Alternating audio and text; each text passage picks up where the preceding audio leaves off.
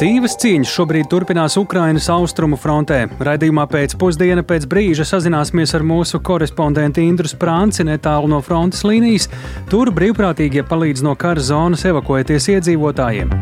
Ieskatīsimies kādreizējās tabakas fabrikas teritorijā Rīgā. Tur taps jaunas telpas Latvijas Kultūras akadēmijai. Infrastruktūra ir absolūti nepieciešama. Šķūņos nevar izaudzināt civilizētus kultūrālos cilvēkus. Bet olimpiskie čempioni Latvijas 3-3 basketbolisti šajā sezonā spēlēs Ķīnas vienībās. Kāpēc šāda izvēle? To visu jau pavisam drīz skaidrosim programmā pēcpusdienā kopā ar mani Tāli Eipuru.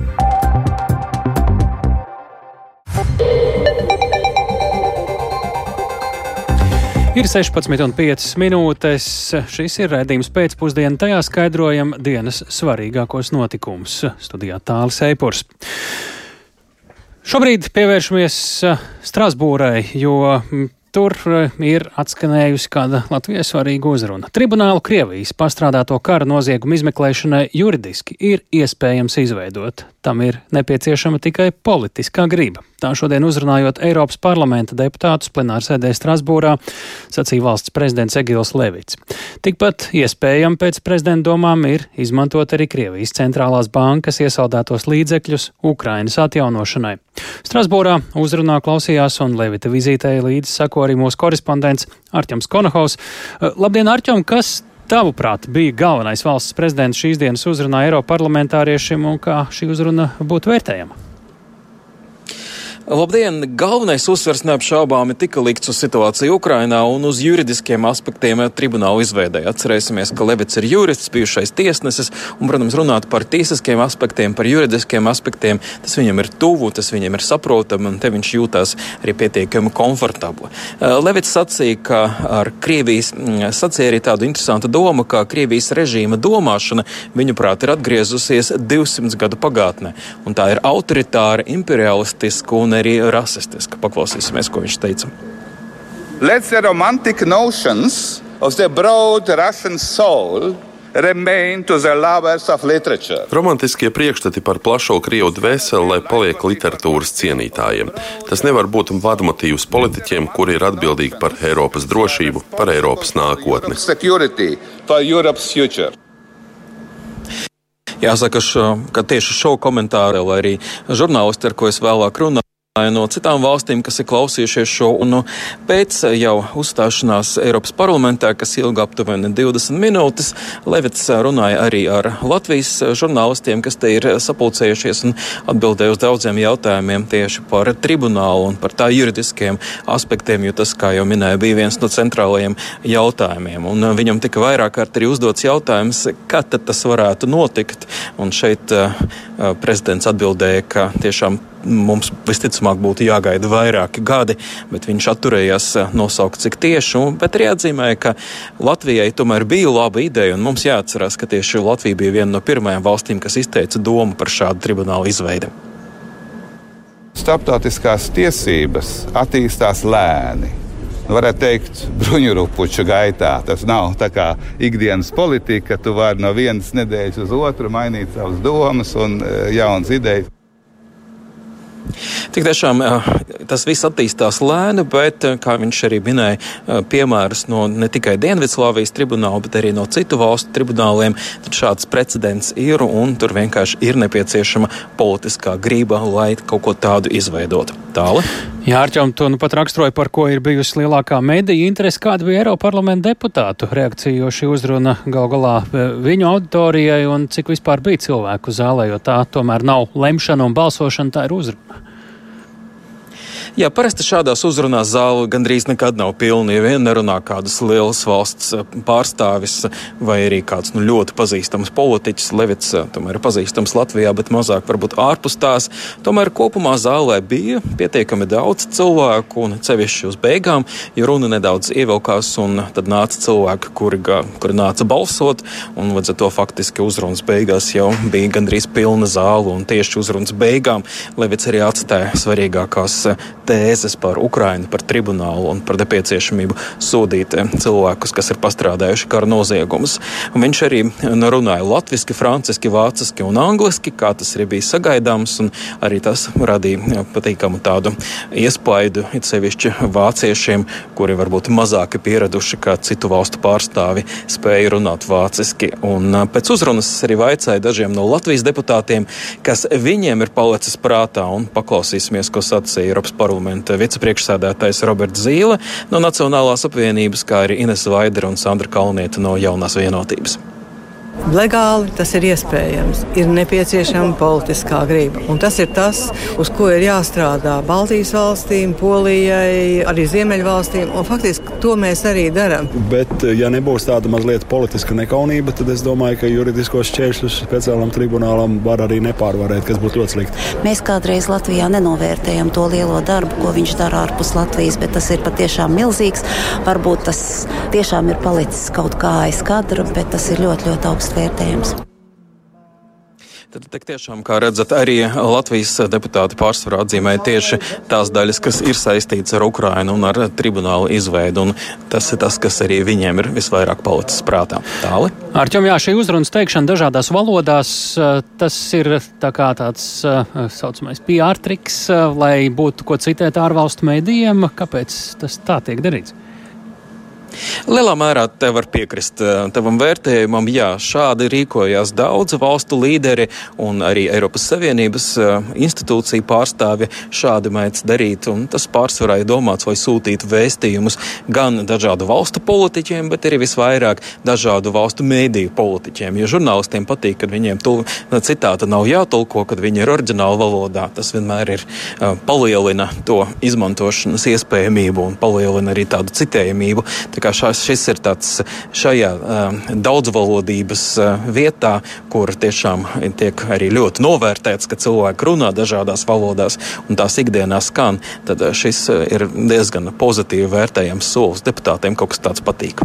Paldies! Mēs sakām mūsu korespondentam Strasbūrā Ārķimam Konahovam. Viņš sakoja līdz valsts prezidenta Egila Levita vizītei šajā pusē un arī uzrunāja Eiropas parlamentā. Kamēr Eiropā cīņa par Ukrainu un demokrātiju notiek no augstām tribīnēm, Ukrainas austrumu frontē un Donbasā tieši šobrīd turpinās sīvas cīņas kara laukā. Netālu no frontes līnijas pat labi atrodas arī Latvijas radio korespondente Indra Sprāns. Esam ar viņu sazinājušies. Sveika, Indra! Kur un kāpēc tu šobrīd atrodies? Jā, labdien! Es šobrīd atrodos Doņetskas apgabalā un esmu pievienojusies brīvprātīgo organizācijai Seibu Ukrainu, kas kopš Krievijas vispārējā iedrakuma sākuma nu jau gadu, turpat uh, gadu evakuē Ukraiņus uh, no frontes līnijas, uh, no dažādiem karstajiem punktiem. Un uh, šī gada laikā ir tātad pārveduši vairāk nekā 80 tūkstoši cilvēkus. Un es esmu pievienojusies vienībai, kurā šobrīd strādā šeit Donbasā, dažādās vietās dodās uz dažādiem izsaukumiem, un šī vienība šī gada laikā ir izvedusi ap sešiem tūkstošiem cilvēku.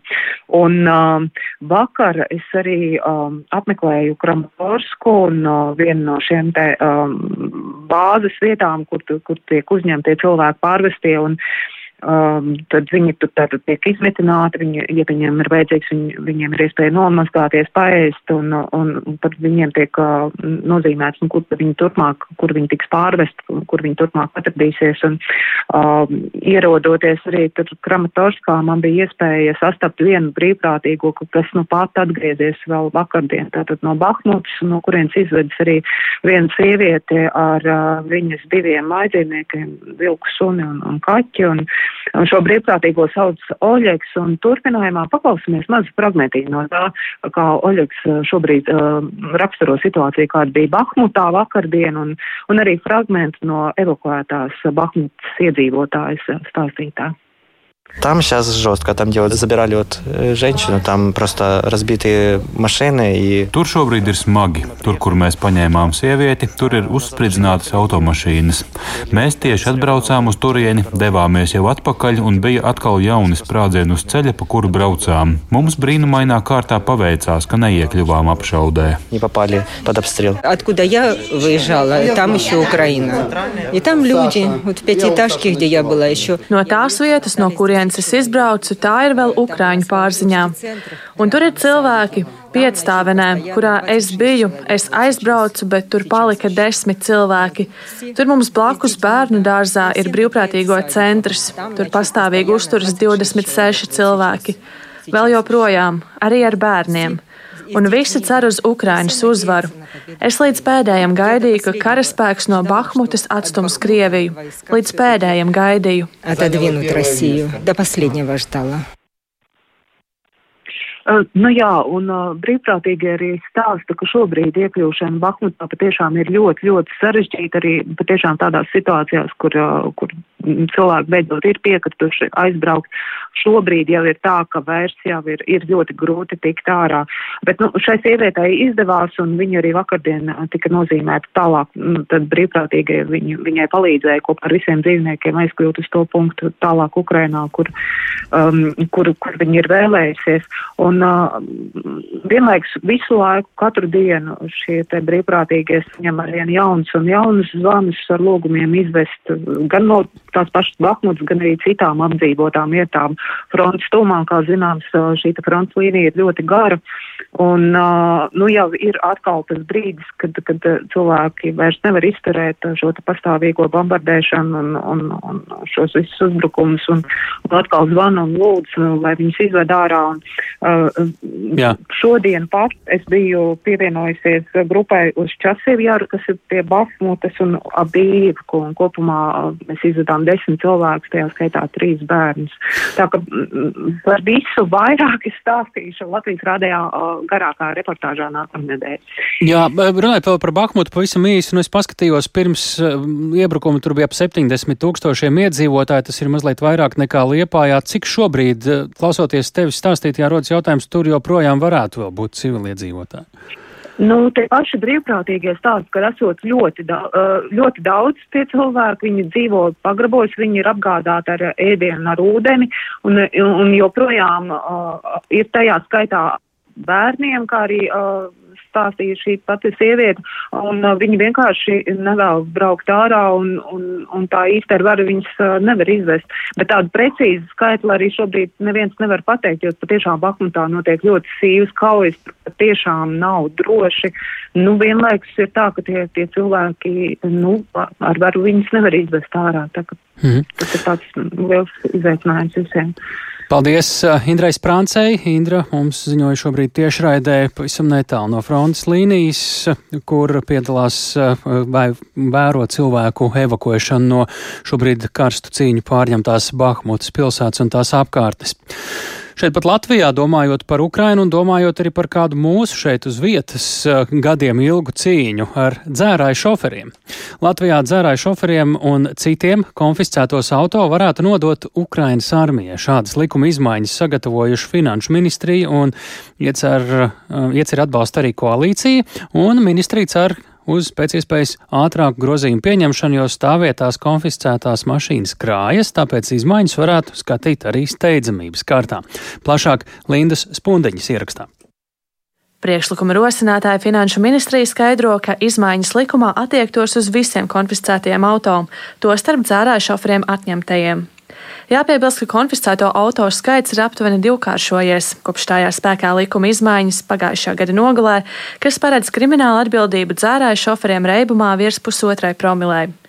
Ieceri plašāk skaidro Finanšu ministrijas parlamentārā sekretāra Karina Ploka no jaunās vienotības. Tā kā mums ir bijušas vairākas tikšanās ar um, NVO, kas strādā nu, tieši ar Ukrainu, šī ideja kopīgi radās šīs uh, automašīnas ziedot tieši armijas vajadzībām. Es gribētu uzsvērt, ka šis nav varbūt tik daudz jautājums par finansiālo ietekmi, jo tas tomēr ir ziedojums Ukrainai. Mēs esam sagatavojuši jau šos grozījumus, un mēs ceram, ka komisija varētu pat šonadēļ jau izskatīt un sājumi iespējams arī pieņemt steidzamības kārtā šos grozījumus, jo Tas nedaudz ir saistīts arī ar to, lai neveidotos uzkrājumus šiem transporta līdzekļiem. Ukrainas armijai ziedos tos transporta līdzekļus, kas būs atbilstošā tehniskā stāvoklī. Finanšu ministrijai nav datu, cik auto šādi varētu ziedot, jo konfiscēto transporta līdzekļu skaits ir mainīgs evakuē un uzglabā konfiscētos auto nodrošinājuma valsts aģentūra. Šobrīd tur glabājas vairāk nekā 600 transporta līdzekļu, taču stāvokuma kapacitāte ir 850. Aģentūras izņemto lietu un resursu pārvaldības departamenta resursu pārvaldes vadītājs Jānis Nebars teica, ka, piemēram, pagājušajās brīvdienās stāvlaukumos nonāca 21 transporta līdzeklis. Aģentūrā kopumā visos procesos, gan krimināla procesa, gan administratīvie, tad kopējais transporta līdzekļu skaits ir 664 transporta līdzekļi. Kustību mēs vēlētos ātrāk no valsts ieņēmuma dienesta puses, jo ar lēmumu par konfiskātu pie mums glabājas jau aptuveni 100 transporta līdzekļi līdzekļi, kas jau ir kļuvuši pa valstī piekritīgo mantu. Valsts īpašumā esošajiem jau konficētajiem transporta līdzekļiem tuvojas jau divu mēnešu periodam, kad uh, transporta līdzekļi stāv aģentūrā. Vidēji gadā valsts ieņēmuma dienests realizē 250 automašīnas, bet kopš auto atņem arī dzērāju šoferiem, skaits ir būtiski pieaudzis. Iepriekš Tieslietu ministrija prognozēja, ka vidēji gadā autovadītājiem lielā reibumā varētu tikt konfiscēti 2500 auto vai piedzīta to vērtība. Līna Spundiņa, Latvijas radio.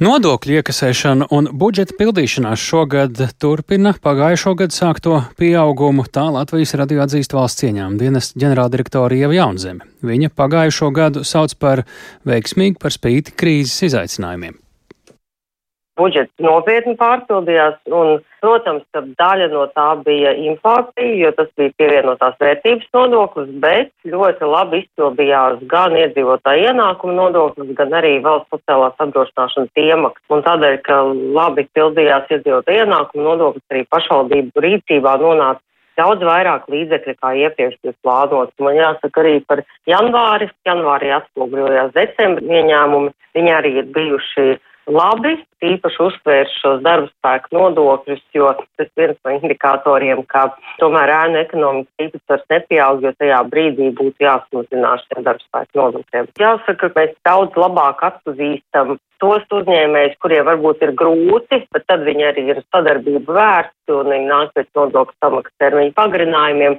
Mēs viņus ļoti labi atšķiram no tiem uzņēmējiem, kuriem nav šāda veida cikliskas grūtības, bet kuru uzņēmē darbības modelis ir nemaksāt nodokļus. Mēs runājam šeit par tirzniecības nodari, par būvniecību, par ēdināšanu, arī par veselības aizsardzību. Mums ir plaša zināšana klāsts, kā taču izvairīšanās notiek. Protams, pirmais, ko mēs darām, mēs uzrunājam nodokļu maksātājus, redziet, mēs redzam šo situāciju, jūsu algas būs zemākas kā līdzīgās uzņēmumos. Piemēram, pēdējās publikācijas ar būvniecību bez tūkstoši neviens nestrādā, bet ir uzņēmēji, kas mums turpina teikt, ka cilvēki labprātīgi strādā par minimālo algu. Gribam, lai tas būtu maksimāli bez piespiedu mehānismiem. 50% gadījumu rezultāts tiek sasniegts sarunu ceļā, jo uzņēmējs tad tiešām nu, tas ir kā uz dēlu. Tomēr, ja uzņēmējs neatsaucās, nevēlas mainīt savu uzvedības modeli. Jā, mums ir pietiekami plaši kontrols mehānismu klāsts, ko mēs arī liekam lietā. Cita darba darītāji, nu, piemēram, muitnieki, vai mums šobrīd pietiek šie darbinieki? Mums ir uh, vairāk kā 120 vakances, un tas ir ne tikai muitā, bet arī citās struktūra vienībās. Šobrīd mēs ceram uz iespēju palielināt algas. Es nedomāju, ka visos gadījumos tas būs līdz vidējai tautsēmniecībā, bet vismaz līdz kalas minimumam. Un tad mēs ceram, ka tas tomēr vairāk vai mazāk iesaistīs jaunas darbiniekus ar esošo atalgojumu, sākotnēji 760 eiro darbinieks piesaistīt ar tik augstu atbildības līmeni un augstāko izglītību nav iespējams. Kā jūs zinat, valsts ieņēmuma dienas strādā 24-7 režīmā. Muita, tā skaitā, mums būs jāpārskata šie, jo mēs nevarēsim turpināt to uzturēt, jo šobrīd, kā mēs risinām jautājumus ar kadru nesamību, vienkārši cilvēki brauc komandējumos no Rīgas un aizpild tos sūdzības. Es ceru uz ātru risinājumu, bet uh, tas nebūs tūlīt un tagad, domāju, ka līdz vasarai mums būtu lielākā daļa jāatrisina. Tā valsts ieņēmuma dienas ģenerāldirektora Ieva Jaunzemes sarunā ar kolēģi Kristapu Feldmani tik tālu par budžeta ieņēmumiem, bet nu par izdevumiem un vajadzībām un šobrīd notiekošo valsts budžeta veidošanā un pieņemšanā. Šodien ar valsts budžeta projektu iepazīst saimnes komisijas dažādās jomās - labklājībā, iekšlietās, sportā, arī veselībā. Bet viens no sāpju bērniem ārpus šī saraksta valsts budžeta kontekstā ir centrālā vēlēšana komisija. Nesen ievēlot jaunu komisijas vadītāju, neviens vien deputāts no tribīnas apliecināja, ka šī iestāde gadiem ilgi ir bijusi bada maizē. vai tas varētu atspoguļoties iestādes finansējumā topošajā šī gada budžetā. Par to aktīvas sarunas notika Saimas valsts pārvaldes un pašvaldības komisijas sēdē. Par finansējumu variantiem klausāmies Jāņa Kīņča ierakstā.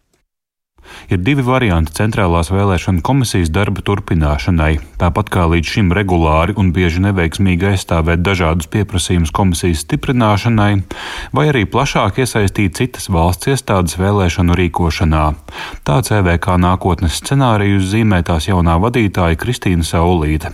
Taču CVK pērn sagatavotie papildu pieprasījumi šā gada budžetā nav atbalstīti. Šī finanšu līdzekļu neesamība nozīmē, ka mums ir jāiet pie plāna B Eiropas parlamenta vēlēšanās, jo vēlēšanām, protams, ir jānotiek, un mēs ejam pie papīra un zīmuļa. Jo mums nav IT sistēma, ne tā ir izveidota, ne tā, protams, tiek pieskatīta, lai šo darītu tādā pašā veidā, kā līdz šim ir notikušas gan saimnes vēlēšanas, gan pašvaldību vēlēšanas. Finanšu ministrija gan aizstāvis, ka CVK šā gada pamatbudžeta projektā ir iekļauts arī pusmiljons eiro informācijas tehnoloģiju moduļu izveidēji. Tas ļaus arī Eiropas parlamenta vēlēšanās lietot vēlētāju elektronisko reģistru gluži kā pašvaldību un saimas vēlēšanās. Pašlaik gan nav atbildes, vai ar šo summu pietiks. Tāpat nav zināms, kas un cik ilgā laikā šo sistēmu varētu izveidot. Tāpat nav lēmuma vai atbildību par vēlēšanu tehnoloģiju sistēmas uzturēšanu uzticēt kādai citai iestādēji. Tādā gadījumā papildu budžeta pieprasījumu varēs novirzīt konkrētā mērķa īstenošanai, norādīja CVK sekretārs Ritvars Eglājs. Optimālā variantā šo lietu pārņem cita iestāde, visticamāk, konkrēti Valsts Reģionālās attīstības aģentūra,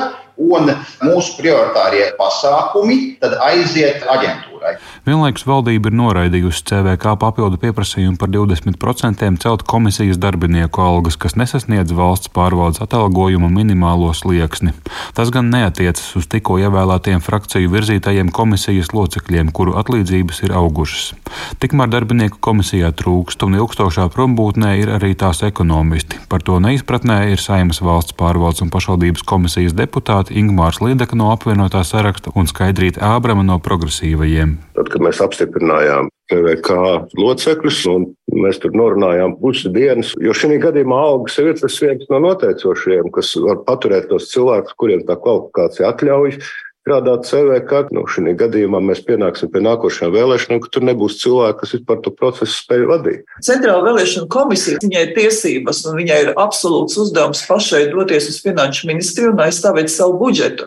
Un tas ir absolūti nepieļaujami, ka finanšu ministrija neatkarīgas iestādes vietā izlemj, balstoties uz kaut kādu iepriekšējo trīsgadīgo pieprasījumu un nolaiž tos ciparus, par ko iestāde nav informēta. Saimas valsts pārvaldes un pašvaldības komisija uzdeva CVK vadībai iesniegt precizētu veidot aprēķinus algu celšanai un IT trūkumu labošanai. Šos aprēķinus komisija plāno skatīt ceturtdien ārkārtas sēdē, lai sagatavotu priekšlikumus valsts budžeta projektam galīgajā lasījumā. Jānis Kincis, Latvijas Radio. Lai arī valdība veselības aprūpē papildus plāno piešķirt 85 miljonus eiro, ar to būs par maz, un, piemēram, slimnīcas nevarēs nodrošināt pilnīgu pacientu aprūpi pagājušā gada līmenī. Tā, vērtējot šī gada budžetu, norādījusi slimnīcu biedrība kopā arī ar veselības darbinieku arotbiedrību. Par to, kas mediķus šobrīd satrauc visvairāk, sarunā ar kolēģi Dācis Simonovičs stāsta veselības un sociālās aprūpas darbinieku arotbiedrības vadītājs Valdis Kēris satrauc mūs neattaisnotais lielais līdzekļu iztrūkums veselības aprūpas budžetā, atbilstoši tam, ko pagājuši gadu apstiprināja iepriekšējā Kariņa kunga valdība. Šogad Latvijas veselības aprūpei, veselības ministrijai, kas ir atbildīga par nozars pamatfunkciju izpildi, tieši pamatfunkciju normālajai nodrošināšanai bija vajadzīgi papildus 306 miljoni eiro, no kuriem valdība ir nolēmusi piešķirt papildus tikai aptuveni 86. Jā, un tad kādas no, ir tās jūsu prasības šobrīd? Visas 306, tātad papildus 220 miljonus esiet tik labi un piešķiriet, jo pretējā gadījumā notiks tas, kas arī ir paredzēts minētajā valdības rīkojumā par sabiedrības veselības pamatnostādnēm 2021. un 2027. gadam. Proti, ja nebūs politiskās gribas vajadzīgajam līdzekļu piešķīrumam, tad veselības aprūpas pieejamība un kvalitāte valstī pasliktināsies, un tas būtu nepieļaujami. Mēs esam informējuši par draudošo situāciju saimnes deputāts, aicinājuši viņus nepieļaut tādu budžeta apstiprināšanu, kas šo te veselības aprūpas katastrofu veicinātu. Mēs esam arī par situāciju informējuši Eiropas komisiju, nosūtīsim vēstuli arī valsts prezidentam un tiesību sargam, un ja tas viss nelīdzēs, tad lai Latvijas vēlētāji izlēmīja, vai viņu balsojums iepriekšējās saimnes vēlēšanās ir bijis viņu pašu interesēs. Tā veselības un sociālās aprūpas darbinieku arotbiedrības vadītājs Valdis Kēris savukārt par finansējumu vēl citai nozarei izglītībai rīt spriedīs Latvijas izglītības un zinātnes darbinieku arotbiedrības padomas ārkārtas sēdē. Netiek izslēgta lemšana arī par streika procedūras sākšanu. Par to plašāku sarunu arī rīt no rīta Latvijas radio programmā Labrīt ar arotbiedrības vadītāju Ingu Vānagu. Bet kā nākotnē izskatīsies kādreizējās tabakas fabrikas teritorija Rīgā un uh, olimpiskie čempioni Latvijas 3 pret 3 basketbolisti šajā sezonā spēlēs Ķīnas vienībās? Kāpēc šāda izvēle šie temati jau pēc brīža raidījumā pēcpusdienā?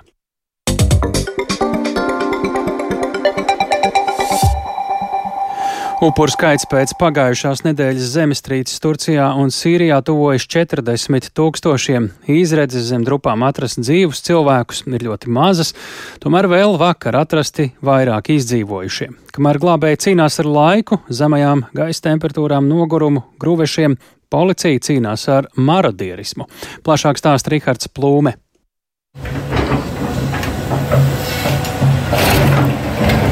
Turpinoties glābšanas darbiem, Turcijā 181 stundu pēc zemestrīces no drupām izvilkti divi nepilngadīgi brāļi. 8 un 15 gadus vecie puikas tika nogādāti slimnīcā, bet viņu māte diemžēl ir gājusi bojā. Savukārt tēvs joprojām atrodas zem drupām. Izglābto vidū arī pieaugušie. 574 bērni, kas izvilkti no sagravušām ēkām, atrasti bez izdzīvojušiem vecākiem. Tajā pašā laikā daudzi vecāki izmisīgi meklē pazudušos bērnus. Kimse var mı? Glābšanas darbos iesaistītas vairākas pasaules valstis, tostarp ne tikai tehnika un cilvēki, bet arī suņi. Meksikā pirmdien tika godināts vācu aitu suns Proteo, glābējs, kurš gāja bojā meklējot izdzīvojušos, kas aprakti zem zemestrīces drupām Turcijā. Kamēr glābēji cīnās ar laiku, laikapstākļiem, nogurumu un, protams, gruvešiem, policija cīnās ar marodierismu. Zemestrīču skartajā Turcijas reģionā izvietota policija un armija. Ir izdoti 97 aresta orderi par marodierismu un notiek notiekot izmeklēšana pret 232 cilvēkiem. Lūk, kāda veikala īpašnieka teiktais. Bütün telefonları falan boşaltmışlar. Yani marketler... Netālu no manis ir telefonu veikals, kur visi telefoni ir nozagti. Ja cilvēki nāk ņemt autiņbiksītes, ēdienu un dzērienus, tas ir normāli jo vairākas dienas palīdzība nav atnākusi. Bet daži cilvēki ir dīvaini. Viņi nāk pēc plīts vai kafijas automāta. Turcijas viceprezidents Fuats Oktais gan apgalvo, ka drošības problēmas zemestrīces reģionos ir baumas, jo tiek veikti visi drošības pasākumi. Tā nevar būt taisnība, jo uz vietas ir vairāk nekā 130 tūkstoši policistu. Turklāt Turcijas bruņotie spēki atrodas uz vietas lielā skaitā, izpildot visas gubernatoru prasības. Tātad nav iespējams, ka tur pastāvētu drošības problēma. Mēs nekad to nepieļautu. Mēs esam veikuši visus pasākumus saistībā ar to. Tā kā cerības atrast zem gruvušiem dzīvus cilvēkus zūd, galvenā uzmanība tiek pievērsta pārtikas un pajumtes nodrošināšanai lielajam skaitam izdzīvojušo. Pēc Turcijas valdības datiem aptuveni 1,2 miljoni cilvēku ir izmitināti studentu kopmītnēs un ir uzceltas vairāk nekā 206 tūkstoši telšu un 400 tūkstošu upuru evakuēti no izpostītajām teritorijām. Katastrofas ekonomiskās izmaksas varētu pārsniegt 84 miljārdus ASV dolāru. Rihards Plūme, Latvijas radio. Turcijā priekšā milzu izaicinājumu valsts atjaunošanā un celtniecībā daudzus, daudzus gadus uz priekšu, bet par kādu celtniecības un būvdarbu objektu tepat Rīgā. Kā nākotnē izskatīsies? Kādreizējās tabakas fabrikas teritorija galvaspilsētā šodien tur iemūrēta laika kapsula un sākti būvdarbi kultūras un radošo industriju atbalsta centram TabFab. Tas nozīmē jaunu infrastruktūru Latvijas kultūras akadēmijai, tās filmu skolai un arī radošo industriju biznesa inkubatoram. Par to, kas tieši tur ir paredzēts un cik ilgā laikā plānots eh, plānus īstenot, plašāk Agnijas Lazdiņas ierakstā. Tabakas fabrikai blakus atrodas jaunais Rīgas teātris, tāpēc projekta būvdarbi ir sadalīti divos posmos. Pirmajā posmā pārbūvēs radošo industriju biznesa inkubatoram un Latvijas kultūras akadēmijas Nacionālo filmu skolas ēku. Taču netiks skartas tās ēkas, kurās šobrīd atrodas jaunais Rīgas teātris, kura vēsturiskās telpas Lāču plēša ielā šobrīd tiek pārbūvētas. Turpina Latvijas kultūras akadēmijas Nacionālās filmu skolas vadītājs Jānis Putniņš. Būs pašiem savs mājas beidzot. Pašlaik mēs eh, atrodamies īrētās telpās, kas, protams, ir ļoti labas, bet nu, tā nav kultūras akadēmijas telpa telpas. Putniņš uzsver, ka telpas projektētas tā, lai tur varētu notikt gan lekcijas, gan praktiskā apmācība. Mums būs eh, brīnišķīgs filmēšanas paviljons, kurā varēs iekļūt smagas tehnikas, kas ir nepieciešamas filmēšanai, vairākas auditorijas, montāžas telpas, savu skaņu studiju. Tātad nu, viss, kas nepieciešams. Otrajā būvniecības posmā attīstīs Latvijas kultūras akadēmijas telpas vairāk nekā 8000 km2 platībā, tostarp veidos atsevišķas telpas, kurās varēs nodrošināt studiju programmas laikmetīgā deja un skatuves māksla. Tāpat veidos telpas Rīgas kino muzeja un Latvijas fotografijas muzeja vajadzībām. Kā stāsta Latvijas kultūras akadēmijas rektore Rūta Muktu Pāvela, plāni par pārcelšanos uz tabakas fabriku radās jau pirms deviņiem gadiem. Telpas, kas šobrīd ir Ludzas ielā, ko mēs īrējam no Rīgas domes, tiešām kļūst pa mazu, un uh, mēs vairs nevaram satilpt. Jo īpaši skatoties uz to, kā attīstās audiovizuāla māksla, skatuves māksla un pieprasījums. Jauna infrastruktūra ir ļoti svarīga studentiem. Tā uzsver Muktu Pāvela. Kultūra ir kā elpa, tā ir gan iedvesma, gan dzīvesveids un visādā ziņā ārkārtīgi svarīga. Mēs nevaram būvēt uh, nākotni tikai uz idejām balstoties. Infrastruktūra ir absolūti nepieciešama. Šķūņos nevar izaudzināt civilizētus kultūrālos cilvēkus. Pirmā posma būvdarbus īstenos līdz 2023. gada nogalē, taču otrajam posmam ir būvatļauja, bet nav izveidots būvprojekts, jo jaunais Rīgas teātris vēl nav pārvācies uz Lāču plēšu ielu kā arī pagaidām vēl nav skaidrs, kur iegūs finansējumu. Turpina projekta TABFAB autors Uldis Lukševits. Ja šis būvprojekts tiktu izstrādāts šajā brīdī, tad jau tajā brīdī, kad no ēkas jaunais Rīgas teātris aizietu prom, varētu jau sākties reāli kaut kādi darbi. Un šobrīd nekas vēl slikts nav noticis, bet nu, šobrīd ir tas brīdis, kad būtu konkrēti lēmumi jāpieņem, lai neizrādītos, ka tā māja stāv atkal gadiem tukša, jo vienkārši nav sakārtot uh, dokumentācija un process, kā var viņu pārbaudīt uzbūvēt. Kopējās būvdarbu izmaksas pirmajā posmā būs 4,62 miljoni eiro, ieskaitot apstiprināto projekta sadārdzinājumu, kas saistīts ar Krievijas iebrukumu Ukrainā. Tāpat pagājušā gada oktobrī valdība lēma vēl aptuveni 88 tūkstošus eiro novirzīt projekta izveides pabeigšanai. Agnija Lazdiņa, Latvijas radio.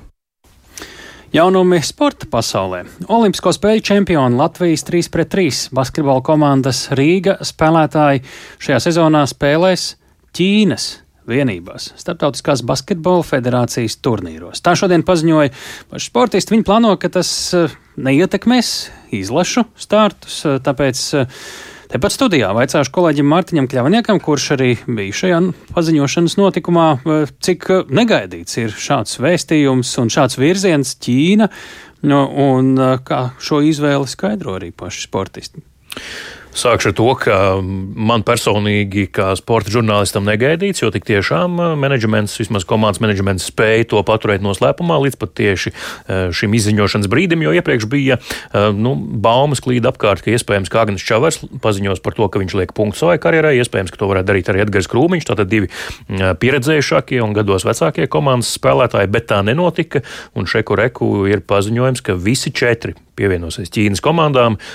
Kārlis Lasmans un Nav Mauris Miezis spēlēs Šanhais komandā, Agnes Čavars un Edgars Krūmiņš spēlēs citā komandā, bet paši laikam vēl īsti nezina, kurā tieši, jo līgums esot parakstīts, bet precīzas detaļas vēl nesot pat līdz galam zināmas. Līgums tā kā ar šo Ķīnas turnīru vai ar komandām? Interesanti, kā tas viss strādā. Tur, jebkurā gadījumā, sanāk, ka viņi spēlēs viens pret otru.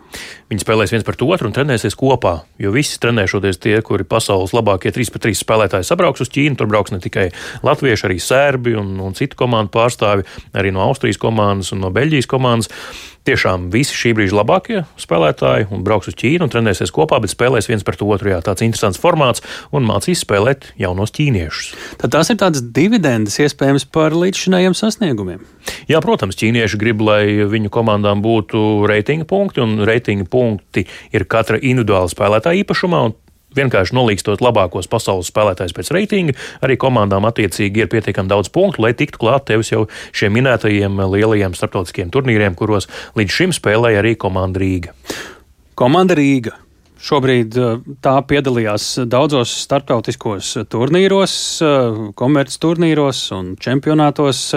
Kas tagad notiek? Tā ir pamatīga pauze vai beigas?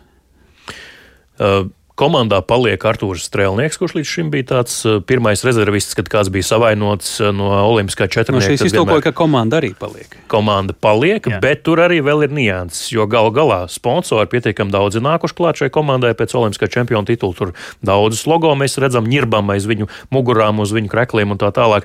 Nu, un sponsori taču nu, slēdz šos sponsorēšanas līgumus ar domu, ka viņi nu, pēdiņās pērk šīs olimpiskās sejas, olimpiskos čempionus, bet šajā komandā komandā neviens no olimpiskiem čempioniem nespēlēs. Spēlēs Arthurs Strēlnieks, spēlēs, eh, vismaz apsolījis spēlēt ar Arthurs Ausējs, kurš šobrīd ir Ventspils basketbola kluba sastāvā un spēlē klasisko basketbolu. Un arī jau ir bijis šajā orbītā. Jau. Arī ir bijis, jā, piesaistīts jā. kā rezervists. Nu, par pārējiem eh, pagaidām pat treneris Raimons Feldmans lauza galvu. Viņš īsti nezina, ko viņš varētu piesaistīt, meklē, skatās apkārt, runā ar basketbolistiem, bet precīzus uzvārdus atteicās nosaukt publiski. Tā tad vismaz ir uzvārdi, ko viņš atsakās nosaukt.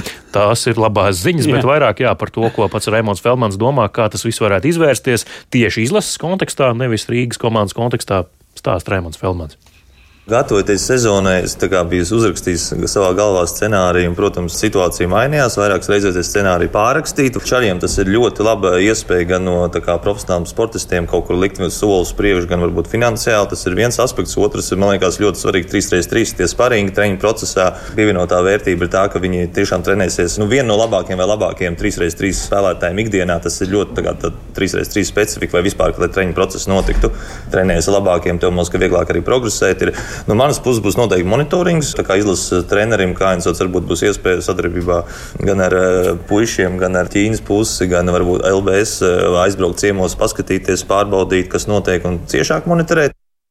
Jā, tas bija komandas Rīga, 3-3 komandas Rīga galvenais treneris Raimons Feldmans. Viņš trenē arī Latvijas 3-3 basketbola izlasi. Nu jā, Mārtiņ, zinot šīs komandas spēlētāju gaitas, nu, pašam Kārlim Lasmanim, taču vēl, man liekas, ka uz priekšu pat bija līgums par spēlēšanu Amerikas šajā prestižajā 3-3 turnīrā. Agnis Čavars taču strādāja vēl arī pilnu laika darbu, ja nemaldos IT jomā. Viņi arī to visu noliek malā, ja, un Ķīna šoreiz būs. Jā, viņi to noliek malā. Kārlis Pauls Lasmanis ir iesaldējis savu līgumu ar šo um, lielā trīnieku, jeb Big Three līgu. Uh, teica, tad, kad atgriezīsies no Ķīnas, tad acīm redzot, arī brauks spēlēt uz Ameriku tajā vasarā, kas būs pēc Ķīnas šī projekta beigām. Cik ilga tā Ķīna būs?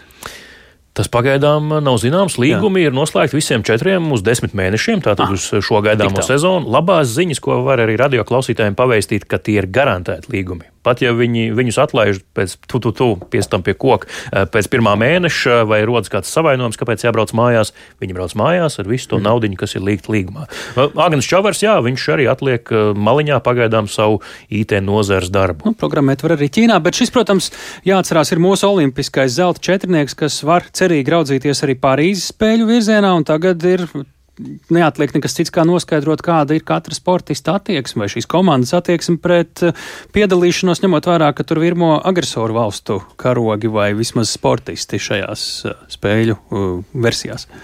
Jā, un šādu jautājumu arī uzdevu gan četrniekam, gan trenerim, gan arī menedžerim Edgaram Buļam. Viņi visi kā viens sacīja, ka ja Krievijas un Baltkrievijas sportisti piedalīsies Parīzes Olimpiskajās spēlēs, viņu tur nebūs. Jebkurā variantā, vai nu viņi kvalificējas vai nekvalificējas. Nu, skaidrs, jā, ja nekvalificējas. Nu, tad Lūkā. nebūs automātiskā, bet ja kvalificējas, visticamāk, ka viņi to arī izdarīs. Nu, tad būs lielais lēmums, kas ir acīm redzot jau pieņemts. Bet Ķīnas variants netraucē kvalifikācijas procesam iznāk. Nē, jo viņi izlašu turnīros tik un tā pulcēsies zem Latvijas izlases karogu un formām. Šeit viņi spēlē kā individuāli spēlētāji. Nu, tāpat kā basketbolā klasiskajā ir klubu eh, pārstāvniecība un izlases pārstāvniecība. Nu, šeit jāatgādina, paldies Mārtiņ, ka Olimpiskajā finālā zelta medaļu Latvijas komanda izcīnīja tieši pret sportistiem, kuri pārstāvēja Krievijas olimpisko komandu. Lūk, tik tālu šīs dienas raidījumā pēcpusdiena par svarīgākajiem jaunumiem un svarīgākie skaidrojumi par svarīgākajiem notikumiem. Studijā bija Tāls Eipors, mums visiem palīdzēja šim raidījumam tapt un to klausīties Ilza Aginta, tāpat arī Renārs Šteimanis, Kārlis Rašmanis. Nu, un, protams, ka jāatgādina, ka ja jūs vēlaties šo raidījumu noklausīties eh, arī atkārtojumā vai ieteikt kādam citam vēl pēc tiešā ētera to noklausīties, ņemiet tālāk Latvijas radio mobilo lietotni. Yeah.